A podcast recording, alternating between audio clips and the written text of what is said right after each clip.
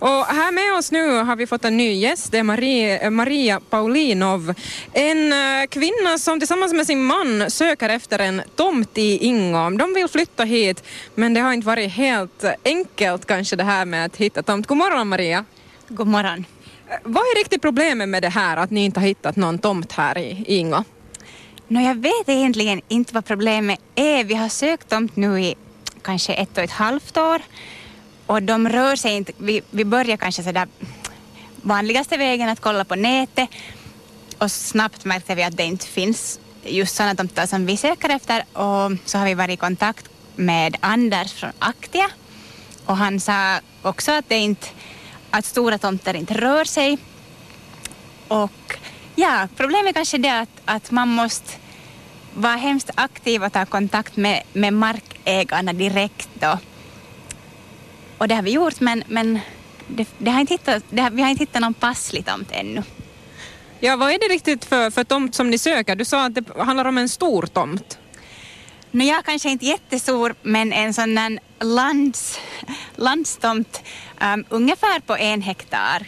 Så att, att de tomterna som, som är till salu så de är hemskt ofta någon så här 2000 kvadrat eller, eller någon sån här. Så att, så att en lite större tomt med, med skog och åker och så där var man kan, man kan springa runt.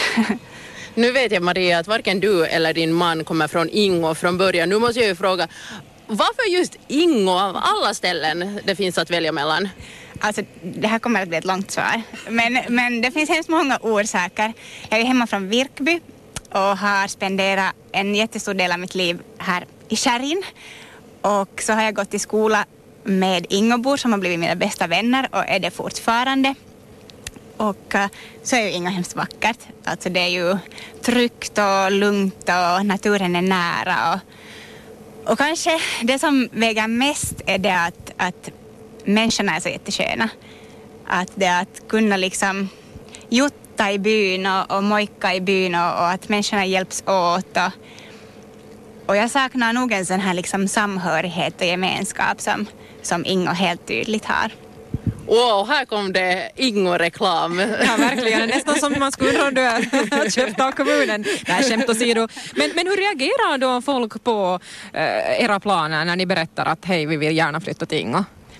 No, största delen um, är ju så här att wow, att vitsi var kiva, att ni kommer nog att stortrivas och att Eh, folk som känner oss och vet att vi är naturmänniskor så är helt sådär att det där är rätt plats. Men sen finns det ju nog de som speciellt mina kompisar från Helsingfors så är kanske sådär att va? Att Ingo är så bo långt borta. Men, men så är det ju liksom inte när man, man kör ju hit på, på, på en kort tid. Så att för oss är Ingo nära och för en del är det långt borta och kanske det är just de som inte någonsin har varit i Ingo som tycker att, att det då är liksom att vadå Ingo? Eh, vi pratar alltså med, med Maria Paulinov som tillsammans med sin man alltså söker en tomt så att de ska kunna bygga sig ett hem här i Ingo. Eh, den här jakten har inte gått så bra. Ni har letat efter en tomt i ett och ett halvt år utan att hitta en lite större tomt där man kan bygga ett, ett eh, ett småhus. Eh, du berättar här att du har varit i kontakt med fastighetsförmedlaren här i Ingo och att det inte rör sig riktigt i den här marknaden med, med, med stora tomter. Men Ingo kommun har ju mycket mark. Eh, jag förstår att ni har haft, också haft ett möte där med, med kommunen. Vad säger man vid kommunen? Kommunen var hemskt positiv eh, för vårt tomtsökande och kommunen har ju nog tomter men de är ganska små.